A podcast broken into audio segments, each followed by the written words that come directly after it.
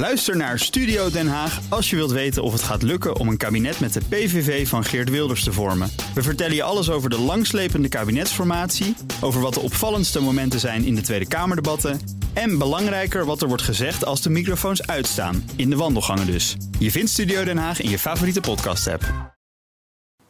Postma in Amerika. Tijd voor het Amerikaanse nieuws door de ogen van onze correspondent in Washington, Jan Postma. Jan, we zien Hillary Clinton zelden nog op de televisie, maar uitgerekend maandagavond was ze te gast bij Rachel Maddow op MSNBC. Ja, toen het net duidelijk werd dat die nieuwe strafzaak tegen Trump vrijwel zeker ging komen, we zaten er allemaal op te wachten. En dat stond toen ook onder in beeld dat dat eraan zat te komen. En daarboven was dan het lachende gezicht van Hillary Clinton te zien. En je moet je voorstellen, er wordt nog steeds locker up geroepen bij Trump bijeenkomsten. Trump heeft altijd gezegd dat zij achter de tralies moest. En uh, ja, er doen ook nog allerlei complottheorieën over haar en haar man de ronde uh, in die kringen. En nu zat zij dus in de studio op de avond dat die vierde strafzaak tegen Trump eraan kwam. Een best bizar moment om op tv te zijn, ook als je dat dus niet zo vaak meer bent. Dus uh, Clinton kon een klein lachje niet onderdrukken. Fancy meeting you oh, here. I can't nice believe this. yeah, this is not the circumstances in which I expected to be talking to you. Nor me, Rachel. It's always good to talk to you, but honestly, um, I didn't think that it would be under these circumstances. Yet another set of indictments. Ja, later zei ze nog wel dat dit natuurlijk wel een heel treurig moment voor Amerika is. En, en gingen ze er ook wat serieuzer op in allemaal. Maar het was echt een triomfantelijk lachje hoor. En Trump die maakte gebruik van dit fragment om geld in te zamelen. Dat uh, staat al in de, in de, de donatie-e-mails. Want hij weet natuurlijk ook, zijn supporters vinden dit vreselijk om te zien. Uh, en ik heb zelfs alweer nieuwe suggesties gezien dat Hillary Clinton eigenlijk het meeste brein is achter dat grote complot om Donald Trump achter, uh, onderuit te halen. Oké, okay, naar Iowa dan Jan. Daar was de eerste state fair. En dat is altijd een belangrijk moment voor de kandidaten. Ja, en altijd ook erg gezellig. Hè? Veel koeien, paarden, uh, muziek, gefrituurde snacks. Uh, koeien geboetseerd van boter op ware grootte.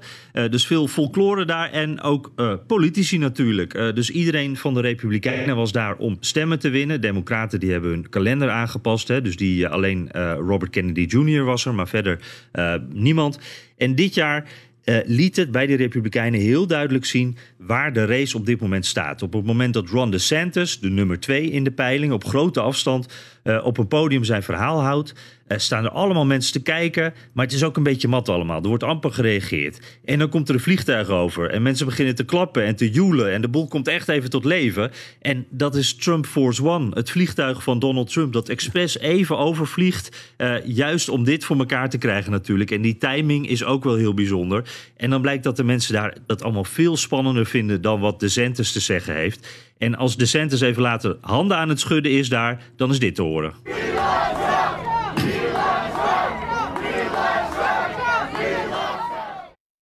Ja, wat de Santis ook doet. Hij zat nog in de botsautootjes. Ze deed allerlei dingen die je daar als kandidaat moet doen om een beetje aandacht te krijgen. Uh, op dit moment lijkt het allemaal niet te helpen. Het gaat alleen maar om Trump. Dat zijn de verhoudingen op ja. dit moment. Volgende week is het eerste Republikeinse debat. Maar we weten nog steeds niet of Trump daarbij is. Ja, dat is het uh, bekende spelletje hè, dat uh, Trump altijd speelt. Nu zegt hij dat hij die loyaliteitsverklaring niet wil tekenen. Daarin uh, staat dat elke kandidaat uiteindelijk de winnaar van de voorverkiezingen moet steunen. Dat is van de Republikeinse Partij. Die willen zo een beetje de boel bij elkaar houden, dat er geen ruzie ontstaat. En daar kijken ze juist ook een beetje naar Trump natuurlijk. En Trump wil dat niet ondertekenen. En dan kan hij dus ook niet meedoen. Uh, en nu blijft hij er dus mee spelen. Zal ik komen of niet? Uh, dit is bijvoorbeeld tijdens een campagnebijeenkomst afgelopen week. I don't know if you're leading by 50 and 60 and 70 points, do you do that or not? I don't know. Should I? Okay, you ready? Poll. We take a free poll. Should I do the debate? Ja, dat lijkt me toch een ja van het publiek. Maar dan zegt Trump erachteraan: ja, ik heb er eigenlijk geen belang bij. Ik sta voor. En ja, hij heeft eigenlijk ook wel gelijk. Het is voor hem alleen maar een risico. Hij heeft er eigenlijk weinig mee te winnen.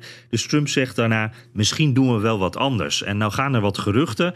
Uh, uit zijn eigen kamp komt dat ook. Hij is blijkbaar druk aan het kijken of hij op de avond van dat Republikeinse debat kan inbellen bij tv-zenders. Of een interview bij Tucker Carlson kan doen, wat dan online komt te staan. Uh, of zelfs zijn eigen evenement kan organiseren. Dus hij gaat, zoals hij ook over de Iowa State Fair vliegt, gaat hij hier dan zijn eigen alternatieve programma willen starten. Om ze alle aandacht weer weg te trekken. Ja, maar zijn concurrenten, de andere kandidaten, hopen natuurlijk wel dat hij komt. Ja, precies. Eh, op die State Fair in Iowa, daar werden ze ook allemaal gevraagd: moet Trump daar komen? En dan zeiden ze allemaal iets van: ja, hij moet zijn kandidatuur natuurlijk verdienen. Uh, anders dan wordt het een soort uh, kroning. hij moet er gewoon zijn. En zij weten ook dat, dat zonder Trump, dan gaan er natuurlijk veel minder mensen kijken. Dan is dat debat veel minder relevant. Dus ze proberen hem ook wat te prikkelen. Nikki Haley die zegt dan bijvoorbeeld: ja, het gaat steeds, steeds over hem dan, als hij er niet bij staat. Maar dan kan hij zich niet verdedigen. Natuurlijk komt hij. In, de hoop om hem dan dus ook een beetje toch te lokken dat hij toch gaat komen. Maar ja, of dat gaat lukken. Uh, het gaat in ieder geval weer in Iowa dus. En ook over dit debat in de aanloop alleen maar over Trump. Dus uh, die missie is alvast geslaagd. Ja, of die erbij is of niet, dat maakt niet uit, wou je zeggen. Nee, nee, hij heeft al zijn aandacht al. Hij staat bovenaan in de peilingen. Wat maakt het nog uit eigenlijk? Ja, precies. Oké, dankjewel. Jan Postma, correspondent in Washington. Ook Hugo Reitsma vind je in de BNR-app. Superhandig die BNR-app. Je kunt alle programma's live luisteren, breaking nieuwsmeldingen. Je blijft op de hoogte van het laatste zakelijke nieuws. En je vindt er alle BNR-podcasts, waaronder natuurlijk de belangrijkste, Boeken zijn in de wijk. Download nu de gratis BNR-app en blijf scherp.